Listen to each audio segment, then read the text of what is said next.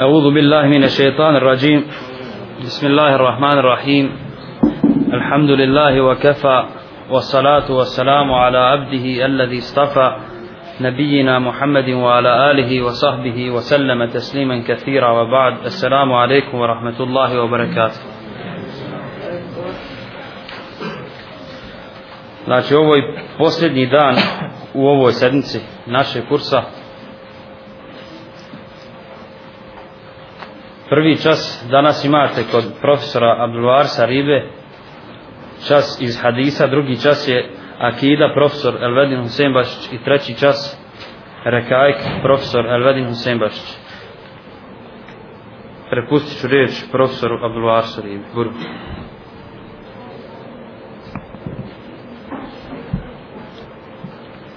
أعوذ بالله من الشيطان الرجيم بسم الله الرحمن الرحيم الحمد لله رب العالمين والصلاة والسلام على أشرف الأنبياء والمرسلين رسولنا محمد وعلى آله وصحبه أجمعين وسلم تسليما كثيرا يا أيها الذين آمنوا اتقوا الله حق تقاته ولا تموتن إلا وأنتم مسلمون Na početku zahvaljujem svevišnjem gospodaru svjetova, našem stvoritelju i donosim salavat na poslanika Muhammeda sallallahu ta'ala alaihi wasallam na njegovu časnu porodicu na njegove ashaabe i sve one koji slijede istinu i pravi put do sudnjega dana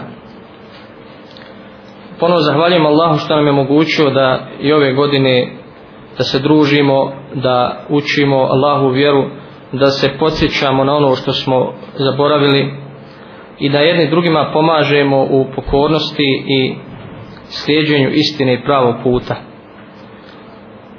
Uvijek naglašavam je li da su ovakvi skupovi od posebne vrijednosti i posebno odobrani naročito ovim vremenima kada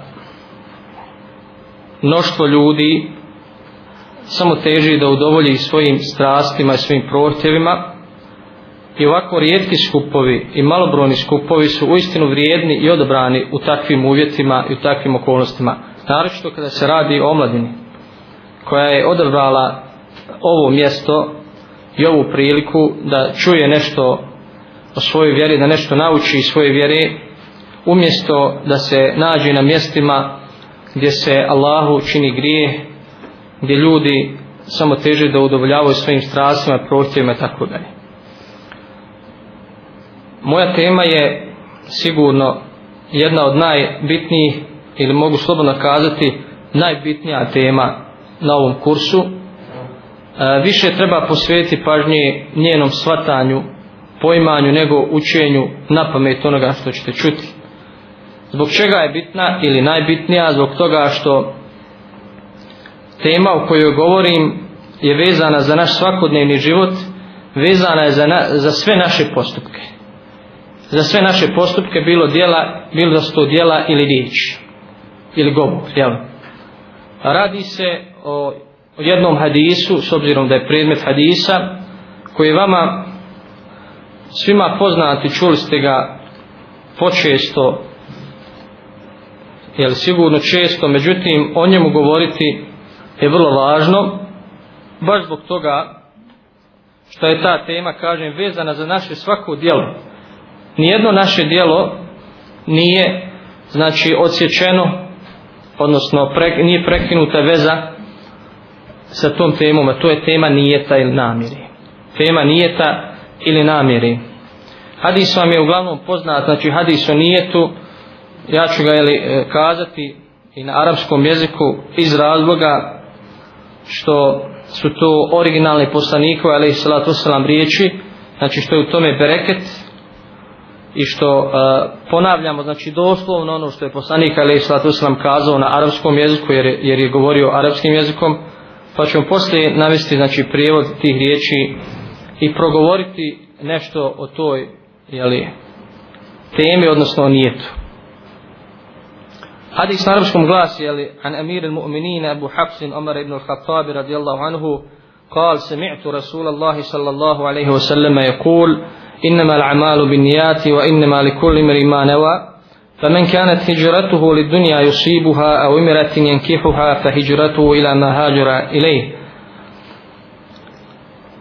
فمن كانت هجرته إلى الله ورسوله فهجرته إلى الله ورسوله فمن كانت هجرته للدنيا يصيبها أو امرأة ينكحها فهجرته إلى ما هاجر إليه رواه البخاري ومسلم U حديث glasi od vladara pravovjernih od emirul mu'minina Abu Hafsa Omara ibn al-Khattab radijallahu anhu se prenosi da je rekao čuo sam Allahov poslanika sallallahu alaihi wasallame da kaže djela se cijene samo prema namjeri i svakoj osobi pripada samo ono što je naumio pa čija hijra bude radi Allaha i njegova poslanika njegova hijra je Allahu i njegovu poslaniku a čija hijđra bude radi dunjalka da bi nešto od njega postigao ili radi žene da bi je oženio, njegova hijđra je za ono zašto ju je i naumio, hadis bježi Buharija, Muslim, Tirmizija, Ebu Dawud ibn Mađe. Znači hadis je sahih i vjerodostojan.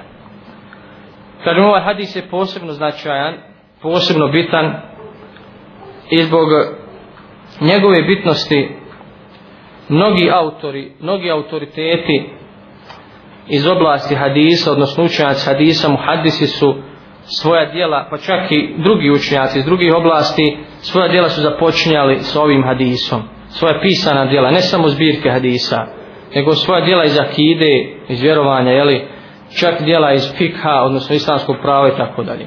Zbog važnosti, znači, ovog hadisa. Znači, iako se često, ja sećam i prošle godine smo govorili o ovom hadisu, iako se često govori o ovom hadisu, kažem, on je uvijek bitan i značajan. Malo ćemo ovaj put pokušati da to predoćimo na jedan drugačiji način, da podvučemo značaj, značaj same namjere u životu čovjeka.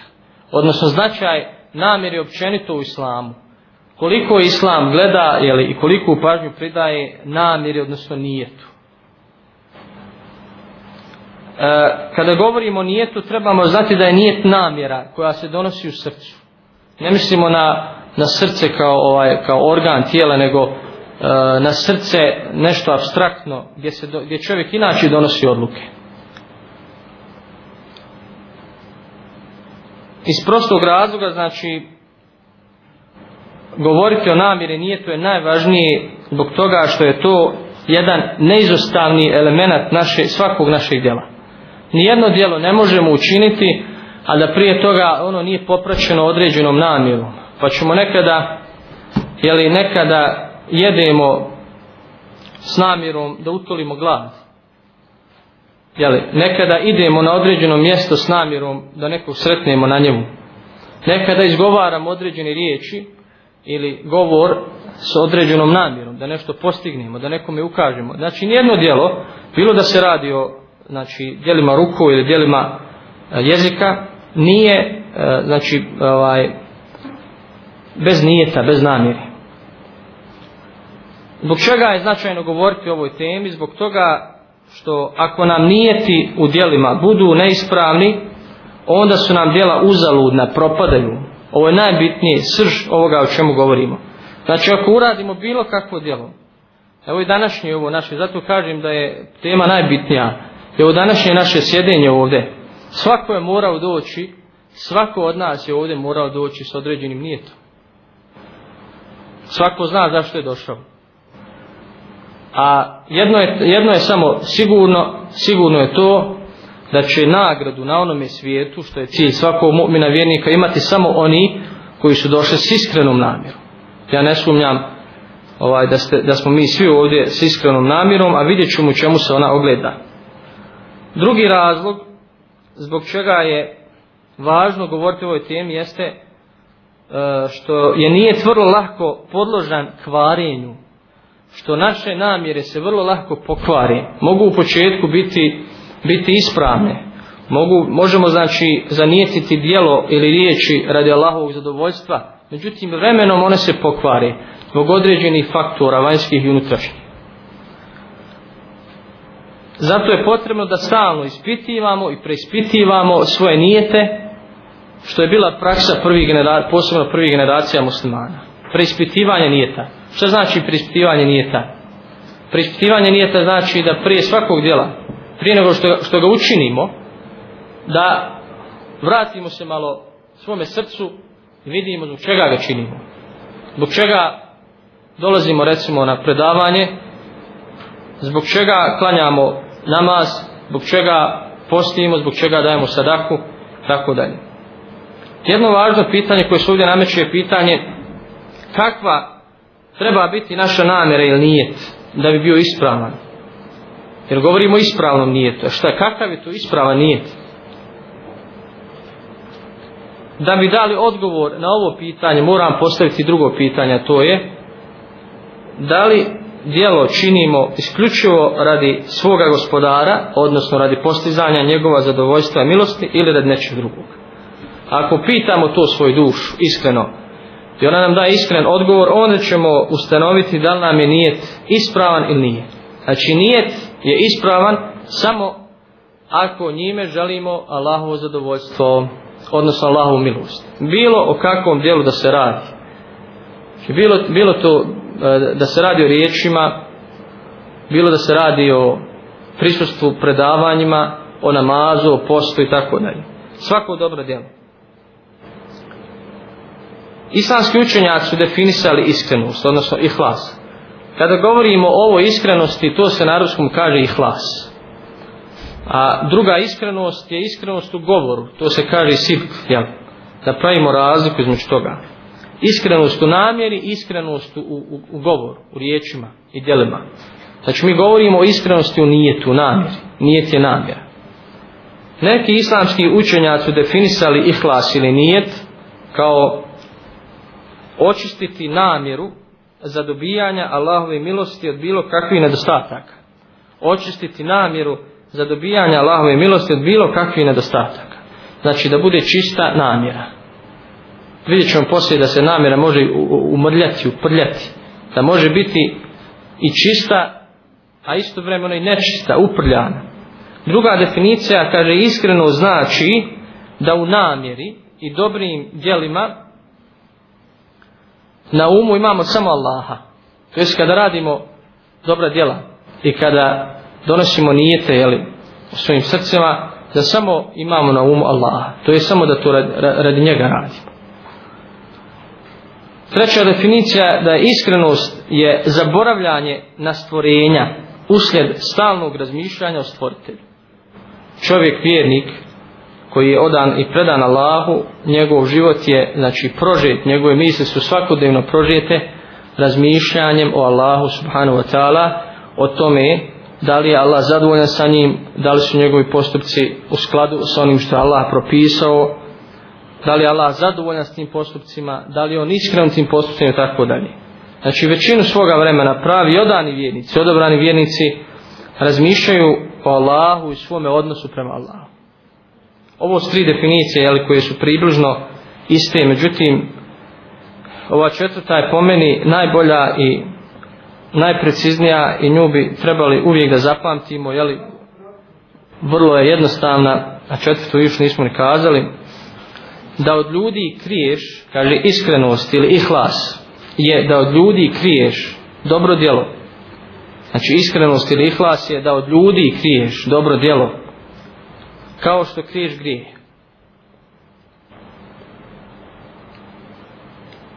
Vidjet ćemo poslije kada budemo govorili o šta to može pokvariti i ugroziti, ugroziti, ali nije cilj namjeru, vidjet ćemo Zašto je ova definicija najbitnija, najvažnija? Znači, ovo zapamte dobro u svome životu, u svome praktičnom životu.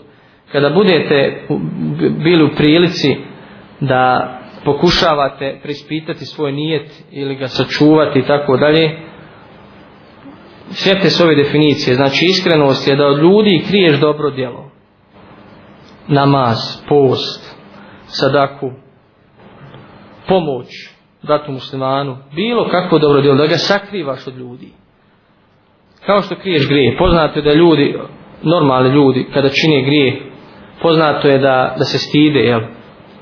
Da se stide, bez obzira kakav grije, da je u pitanju, osim oni koji skroz ogrezli u grijehu, kojima se Allah neće smilovat, odnosno, jel, to su oni koji javno čine grije. Koji javno čine grije. I ne stide se toga. I diče se time. Dok o, većina svijeta, ili običan svijet, krije grijeh, krađa, pijenja i tako dalje. Znači, ako želimo da sačuvamo svoja dijela ili svoje nijete od kvarenja, trebamo kriti dobra dijela, ne falice. Suprotno tome je hvaljenje ili očekivanje ljudi da nas pohvali ili da nas vidi. Jer u tome je čovjeku zadovoljstvo, takav je čovjek po svojoj prirodi. Ovdje je nijet najosjetljiviji na ovim pitanjima i čovjekova namjera i djela tu najviše propadne. Znači kriješ, ako kriješ, uspiješ da sakriješ svoje djelo od ljudi, znači onda si ga sigurno uradio radi Allaha. Zbog čega? Zbog toga što ti niko nije vidio u dobrom djelu. Znači nema, nemaš drugog motiva, nemaš druge namjere. Sakrio si namaz, niko te sigurno nije vidio od ljudi, znači klanjao si recimo na file neke ili noćni namaz ili postiš na filu post ili daješ sadaku ili pomažeš drugima i tako dalje, kriješ to od ljudi. I pokušajte to u svome životu pa, će, pa ćete vidjeti da je u tome prava slast činjenja dobrog djela i da je to najbolja zaštita nijeta od kvarenja, od ovoga jeli, što, što ga kvari. Kažem, naši nijeti su u stalnoj opasnosti, naročito u ovim vremenima kada je mnoštvo izazova, kada je mnoštvo tih e, mikroba i virusa koji napadaju naše namere nijete. Nisu nam sačuvani. Zbog toga je e, bitno posvijeti veliku pažnju to, to mi zbog čega radimo dobra djela. Svako dobro djelo po na osobi. Zbog čega ga radimo. Jer kažem i opet ponavljam da je čovjek po svojoj prirodi on je sklon uživanjima. Sklon je uživanjima. Njegova duša, to je ta priroda koja je urođena u njemu, teži uživanjima. Samo da je uživanje. Udovoljavanje svojim strastima i prohtjevima. I čovjek je povodljiv znači za svojim prohtjevima. Kažu islamski učenjaci, rijetko je koji čovjekov postupak. Rijetko je znači koje čovjekovo djelo, pa čak i obredi, kao što je namaz recimo, ili sadaka. Rijetko su u potpunosti lišeni želje da postigne, da postigne nešto od ovo svjetskih ciljeva. Ako ste razumjeli, jeli? Ako niste ponovit ću. Znači, rijetko da čovjek može naći kod sebe djelo pri kojem nema ovaj, nimalo primise želji da se usto djelo pored ahireta postigne nešto od unjalka. Rijetko ćemo naći takva djela. Recimo, uzet ćemo primjer, ako čovjek radi neki posao vezan za islamsko misionarstvo, recimo, ili da kažem davu, i ako u tom poslu biva nagrađen, odnosno biva mu data nadoknada za to djelo, njegov nijet u tom dijelu, dobrom dijelu je ugrožen. Kad neće biti ugrožen, samo ako ne želi ništa za to dijelo. Ako za to dobro dijelo, ne želi ništa. Recimo primjer, uzet ćemo uh, podjela nekih recimo letaka sa islamskim sadržajem ili knjiga ljudima, da čovjek to radi bez ikakve nadoknade, znači čisto s namirom da samo postigne Allahovo zadovoljstvo i dobro dijelo na onome svijetu, znači u tom slučaju e, čovjek čovjekova namjera iskrena čista dok ako ima za to nagradu ili nadoknadu već je malo umrljana uprljana što ne znači da mu djelo da će mu djelo propasti u cijelosti može mu djelomično biti okrnjeno može mu djelomično biti neprimljeno ali može biti primljeno 50% 70% ili manje Zato je s pravom neko rekao, jel, od ispravnih prethodnika, blago onome ko napravi i jedan korak, a da sa njim nije želio ništa drugo da Allahovo zadovoljstvo. Znači, blago onome ko u svome životu, ko će kazati to, uradi i jedno dijelo, recimo, klanja jedan namaz, čisto, s čistom namirom, da s tim namazom želi samo Allahovo zadovoljstvo i nagled. Ko uspije to u životu, jedan namaz, onda je u velikoj prednosti. Znači u velikoj prednosti. A kamol da klanja više takvih namaza u životu. Ili da čini druga djela s tako čistom namjerom. Znači ovdje govorimo o potpuno čistoj namjeri. To vam je kao ono uh, ogledalo na kojem nema ni trunke prašine. To je najčišća namjera i najkvalitetnije djelo i najbolje djelo. Ali kažem opet, ako, čovjek, ako je čovjek koja namjera pomalo uprljana, ona je uprašena, ne znači da mu djelo neće biti primljeno. Znači, zašto je bitno govoriti o nijetu? On je izložen uvijek opasnosti, uvijek, posebno e, kada se radi o nama slabijim ili stvorenjima, naše duše su slabe, skloni smo želji da nas ljudi vide, da nas pohvali, da, da, da smo ugledni u društvu zbog tog djela i tako dalje i zbog toga je čovjek uvijek u opasnosti da mu djelo propadne djelomično ili u potpunosti. A vidjet ćemo poslije kako djelo može propasti i u potpunosti i djelomično. Znači potrebna je stalna borba koja se ogleda u preispitivanju nijeta, da stalno preispitivamo svoju namjeru prije djela ili u toku djela. Možemo i u toku djela. Zašto? Zato što možemo započeti djelo s dobrom namjerom i u toku samog djela nam se pojave malo i ovodunjalički interesi pa nas uprlja djelo. U tom momentu ako to primijetimo opet preispitivamo nijeti čistimo. Odbijamo sve te napade i sve te, jeli, sve te viruse, mikrobe koji ugrožavaju naš, našu namjeru. Znači naše nijete trebamo očistiti od svih mrlja i velikih i mali. Što je veća mrlja, djelo će nam, djelo, djelo će nam manje biti primljeno. Biće nam više ugroženo. Sve dok znači ne ostane samo čista namjera da se tim djelom postigne Allahov zadovoljstvo. To je teško. Vjerujte da nije ni malo lahko. Zašto? Zato što su uh, u, znači na tom putu čak i ispravni prethodnici koji su mnogo bolji od nas, generalno ili govori, govoreći pa i pojedinačno a, nisu uspijevali, odnosno bilo im je to najteže da očiste svoju, svoj nijet, svoj nijet od, od tih primjesa i mrlja koji ga prljaju. Danas u ovim vremenima kada su se mjerila malo poremetila recimo, kada se uglavnom u svijetu gleda ovo dunjalučka korist, danas je puno teže očuvati nijet. Jer malo ko gleda nagradu. Većina svijeta, Pa čak i ljudi koji Allahu padaju na seždu, gledaju samo ovu dunjalučku korist. Ili većinom gledaju ovu dunjalučku korist. Stoga je posebno bitno govoriti o ovoj temi, ako je, ako je tako stanje među nama u našem društvu. Znači, kažem, ovaj zadatak nije nimalo lahak. I iz razloga, iz drugog razloga, što šeitan stalno opsjeda čovjeka i stalno ga napada s te strane, sa strane nije ta. Šeitan je, e, znači, vojskovođa ima svoju vojsku, i šalje da napada ljude. Mi ga možda nekad osjetimo, ali često ga ne primjećujemo. I on ima više frontova, više prilaza. Ko ovo sad, jel, što židovi napadaju tamo, Liban, da malo ovaj, slikovito prikažemo. Pa sad te napadne ovaj, raketom, sad avionom, sad tenkom, sad pješadijom, tako i šeitan i njegova vojska napada čovjeka.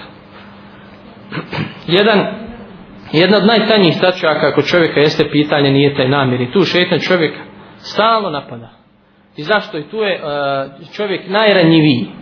Jer ako ga tu rani ili pogodi, čovjek je propao.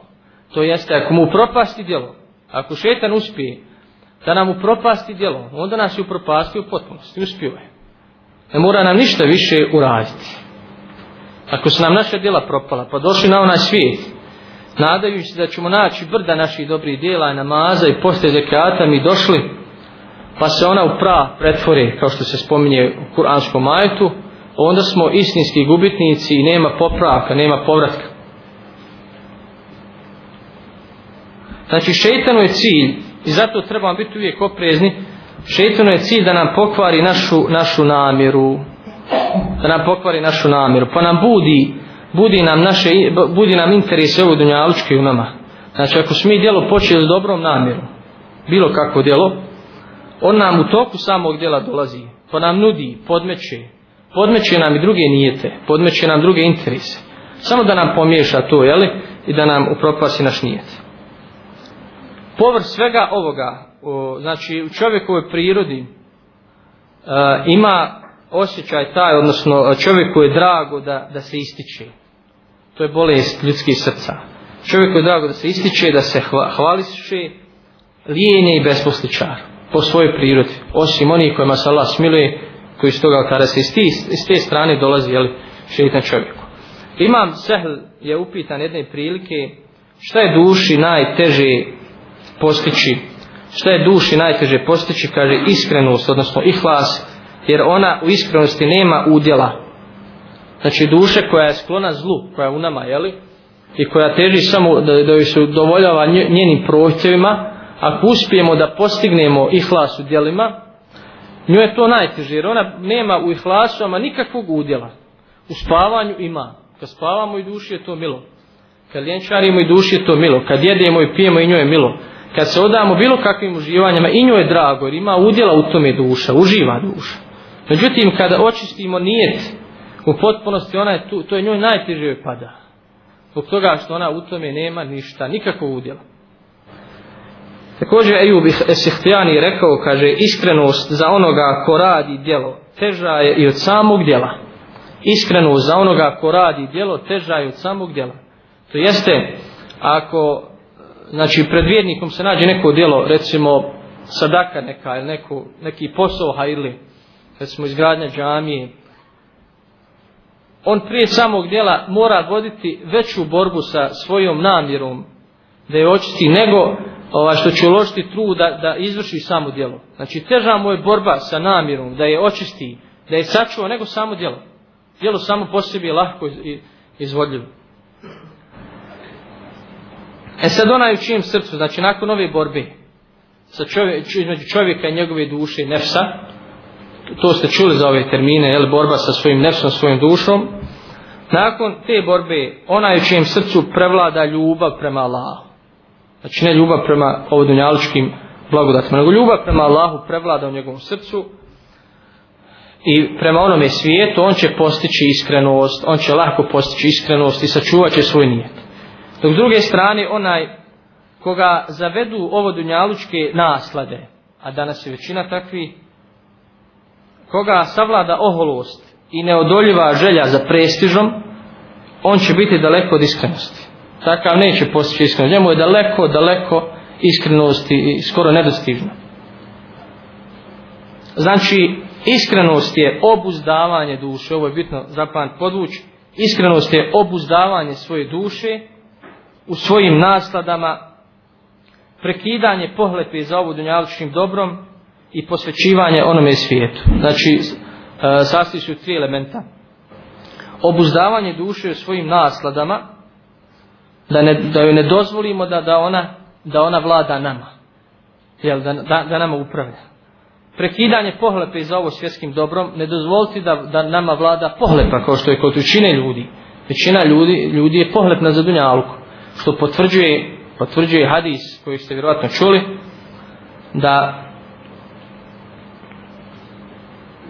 čovjek ne stari u dvije stvari. Čovjek stari, jeli, osim u dvije stvari. A to je ljubav prema Dunjaluku i nada u dug život. Te stvari uvijek, u njima je čovjek uvijek mlad, odnosno razmišlja kao mladić. Što više daje ovo Dunjalučki blagodati i da je što duže živjeti. Navešu vam sad jednu, jednu izreku, odnosno jedan iskaz imama Gazalije koji jedne prilike rekao, kaže, kroz argumente ili dokaze i praksu se nepobitno dokazuje da, je do prave sre, da se do prave sreće može doći jedino kroz znanje i badet. Znači i argumenti kuranski i hadijski i praksa životna nam potvrđuju da do prave sreće možemo doći samo kroz znanje. Znanje znači o svijetu, o Allahu, o životu, i o dunjalku i ahiretu, znanje to sve obuhvata, i kroz ibadet, odnosno pokornost Allah. To je istinska prava sreća.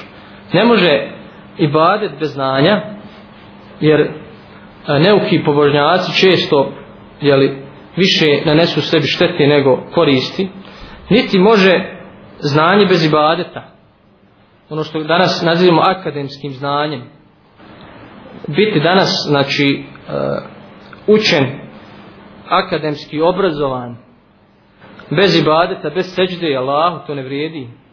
Tamo danas mnošto takvi, jel? Nikog ne odbacujemo, ali kažemo da općento, generalno to ne pije vode na ovom svijetu. Čovjek vrstan akademik, pun znanja iz svih oblasti, ali ka, kaže da de, vi to svoje obavite, pa poslije ćemo nastaviti. Kada je recimo namaz tako. Da vi to svoje obavite, a zove se Muhammed. Što znači da znanje, bez obzira koliko bilo, jel, ono bez ibadeta, bez pokornosti ne vrijedi. Dalje kaže Gazalija, međutim rad bez iskrene namjere je uzalud uložen trud. Rad, bilo kakav posao. Pa čak i ako gradimo džamiju, u selu svi gradi pa i mi se pokupili, hajmo ili negdje na nekom drugom mjestu i gradimo bez nijeta nekog, nego samo haj, gdje svi turisti, tu je mali mujo, bez namjere da zaslužimo Allahovo zadovoljstvo, to je ulož, uzaludno uložen trud. Kaže, a namjera bez iskrenosti je puko samoljublje. Namjera bez iskrenosti, što, je, što, jest, što znači kad imamo namjeru, imamo nijet. Ali nije iskren, nego želimo, imamo nijet da nas ljudi tu vidi. Da nas pohvali ili dajemo neku donaciju. Pa nas usikalo 16 kamera i ona nam pisalo 30 novina, jel? U tom slučaju imamo nijet, ali ne valja, pokvaren. Znači to je samo samoljublje. ljublje samo ljublje. Kaže, takav posao, takav rad je jednak lice mjestvu i griješenju. Takav čin, znači kad imamo nijet, ali je pokvaren, to je jednako lice mjestvu, pravi licemjer ili čak griješenju. Kao kad činimo grijeh. Jer grijeh je, pazite, grijeh je kada činimo dobro djelo radi nekog drugog cilja, a ne radi posjezanja Allahovu zadovoljstva. To je grijeh. Dalje kaže, a u praksi, kaže, nedokazana iskrenost je jednaka prošu u toj prašini. Ako u praksi, znači, ne dokažemo svoj islam, kroz dijelo, jer neka dijela se ne mogu učiniti osim sa do, iskrenom nabirom. Ne mogu, ne mogu se činiti da se postigne ovo dunjalički interes neki. Recimo, borba na lavom putu gdje čovjek mora založiti metak i život. To je malo rizično, ovaj, tražiti ovu dunjalučke koristi. Jer čovjek može poginuti, a ništa. Znači, znači tu se dokazuje iskrenost, recimo, da u dijelima kao što, je, kao što su neka dijela koja zahtjeva više truda, noćni namaz sadaka, gdje treba čovjek dati pola svoga imetka, ima dvije marke, ali jednu mora odvojiti za, za sevap, tu se dokazuje iskrenost. Znači, ako u praksi ne potvrdimo tu iskrenost, to, takva dijela su, kaže, jednaka prosutoj prašini taj se primjer navodi u Koranu, znači imamo punu šaku prašine i ona je vidljiva, ima svoju, svoju težinu i oblik, međutim kad je bacimo, dok padne na zemlju nema je. Tako je sa dijelima koja nemaju iskrenosti. Dok recimo ona dijela koja su iskrena, onda ona i padnu na zemlju. To vam je kao kad imate kamen ili grumen zemlje, koji kad bacite, on padne na zemlju. Znači ima svoju, ima svoju stvarnu težinu. Znači za svako kaže, nasumice učinjeno i mrljama poškrapano dijelo uzvišeni veli. To je za ova dijela o kojima sad govorimo, kada su uprljana. Uzvišeni veli, kaže, mi ćemo postu, pristupiti dijelima koja su učinili i u prahi pepeo i pretvoriti. Ovaj ajet se ne odnosi samo na nevijenike, odnosi se i na licemire, na ljude koji su činili dijela radi drugih interesa. Kad dođe čovjek na sudnji dan, i bude se nadao da će naći svoje djela koji se sjeća sa ovog svijeta, dođe ona, ona tamo kao brdo, u obliku brda i onda je Allah pretvori u pepovoj prah i nestanu. To su djela koja su imala svoj oblik, svoju formu, ali nisu imala srži, suštinu, nisu imala nijet, iskrenu namiju. I ona su sama se istopila i nestala. Znači sada vidimo i znamo koliko je po islamskom učenju važna namjere, važan nijet. Vjerujte, ko uspije u borbi sa dušom po, na, na ovom polju, na polju nijeta, on je uspio. Pa makar imao, makar imao jeli, ovaj, malo dijela dobrih. Jer bolje imati malo čistih, iskrenih dijela nego mnoštvo ni nekvalitetnih. To vam isto na Dunjalku kad imamo ovaj robe kineske i ove recimo neke kvalitetne japanske. Bolje imati cipele da malo, jeli slikovitije to, da bolje shvatim, bolje imati cipele japanske ili neke recimo kvalitetne nego znači jedne cipele nego 10 ovih kineski po 15 ili 10 maraka dok izdelimo ove jedne kvalitetne ovi ove smo već ovi smo 10 izdela tako isto po pitanju dobrih dijela znači to morate shvatiti inače po islamu Allah ne gleda u mnoštvo naših dobrih dijela pa spomnje Zebu Bekra kaže u čemu je pretekao sve ashabe i nas jeli? li kaže, nije, kaže, u mnoštvu namaza je posta i zekijata, nego u onome što se usadilo u njegovom srcu, što je pustilo korijena, to je čvrst, iskrena namjera. Samo iskrena namjera. To je znači bit i suština naših dobrih dijela, znači sa uh, islamskog stanovišta. Znači od kvaliteta naše namjere zavisi težina i kvalitet naših dijela. Ako je naša namjera ko kineska roba, naša dijela će biti lahka, i brzo kvarljiva, neće biti teška na vagi, neće biti dugotrajna. Ako je naša, znači, ako je naša, ni, ako je naš nijet čist jak, znači samo radi Allaha, naše djela su kvalitetna, prema tome je bolje imati jedan rekiat primjen kod Allaha, znači sa čistom namjerom, nego hiljadu rekiata, onako, bez namjere ili sa lošom namjerom. Neko od ispravnih prethodnika u tom smislu je rekao, koliko je samo na izgled malih dijela po svojoj namjeri veliko. Znači koliko će na sudnjem danu malih dijela, recimo neko udijelio dinar dao, ali mu je takvu, takvu namjeru čistu. Da je teža, to njegovo dijelo, ta njegov dinar teži od stotinu hiljada maraka na nekoj donatorskoj konferenciji. Je neki musliman, jeli, dao velike pare. A nije možda imao ni nijeta ili imao nijeta da se pohvali, da ga uslikaju i tako dalje. Ili imao neke druge interese, to će mu se vratiti s druge strane. Ja. Znači, to, e, to je znači, koliko je znači, na izgled malih dijela, e, po svojoj namjeri, velik, e, koliko su velika dijela. Znači, taj dinar je na onome svijetu velik. Isto tako kaže, koliko je samo na izgled velikih dijela, po svojoj namjeri malo. Čovjek se gradio tri džamije, napravio deset česmi i tako dalje, međutim imao pokvaren, pokvarenu namjeru nijet da ga ljudi pohvale, da ga uslikaju i tako dalje. On naivan, miskin, jadnik, nije imao ni znanja, ni, ni ovaj, nije bio svjestan šetanovi ti spretki i tu nasijeo, potrošio i metak, došao na na svijet prašina. Nema ništa. Bez obzira što sta njegova djela ostala iza njega. I što možda ime piše na džami, ovu džami se gradio taj, taj, tako dalje i što se spominje u nekim zapisima tamo da je taj dao toliko 50.000. Ovo navodim primjere malo da to izbliza, jel shvatimo. Znači, zbog svoje važnosti i ovaj hadis u kojem smo, koje smo naveli, kojem govorimo, znači, ima posebno mjesto u islamu i kod islamskih učenjaka i zato kažem, ovaj hadis svi trebaju znati na pamet, njegov tekst, pa čak i na arapskom jeziku, rad bereketa, jeli, li? a posebno na bosanskom i što je još važnije imati ga uvijek na umu na svako naše djelo, svaki odlazak ka dobrom djelu, prije odlaska svaka naša riječ koju želimo kazati riječ dobra treba da prije toga preispitamo nijet da se obratimo na, na mjesto gdje nam je nije da vidimo šta je s nijetom je li pomahljutivio, je li zahrđao ili, ili je čist ovdje je još bitno napomenuti kada je u pitanju nijet da čovjek s dobrom namjerom može postići nagradu pa čak i ako ne uradi dobro djelo. Pa čak i ako ne uradi dobro djelo. Znači čovjek ima dobro, dobro namjeru, čistu namjeru i kreni da uradi dobro djelo i bude spriječen u tome. Umre, nešto mu se desi, nekoga spriječi, vanjski faktor, ne on, ne on odustane. Ima, ima se vap. Krenuo čovjek na hađu i umro na put. I kaže, mnogi ga vidjeli na hađu ima takvi primjera dosta iz vremena prvih generacija muslimana. Kaže, vidjeli, vidjeli ga na hađu. Pa nije, kaže, on je umro. Nisu znali ovi koji nisu znali da je umro, da je umro. Kaže, vidjeli smo ga na hađu.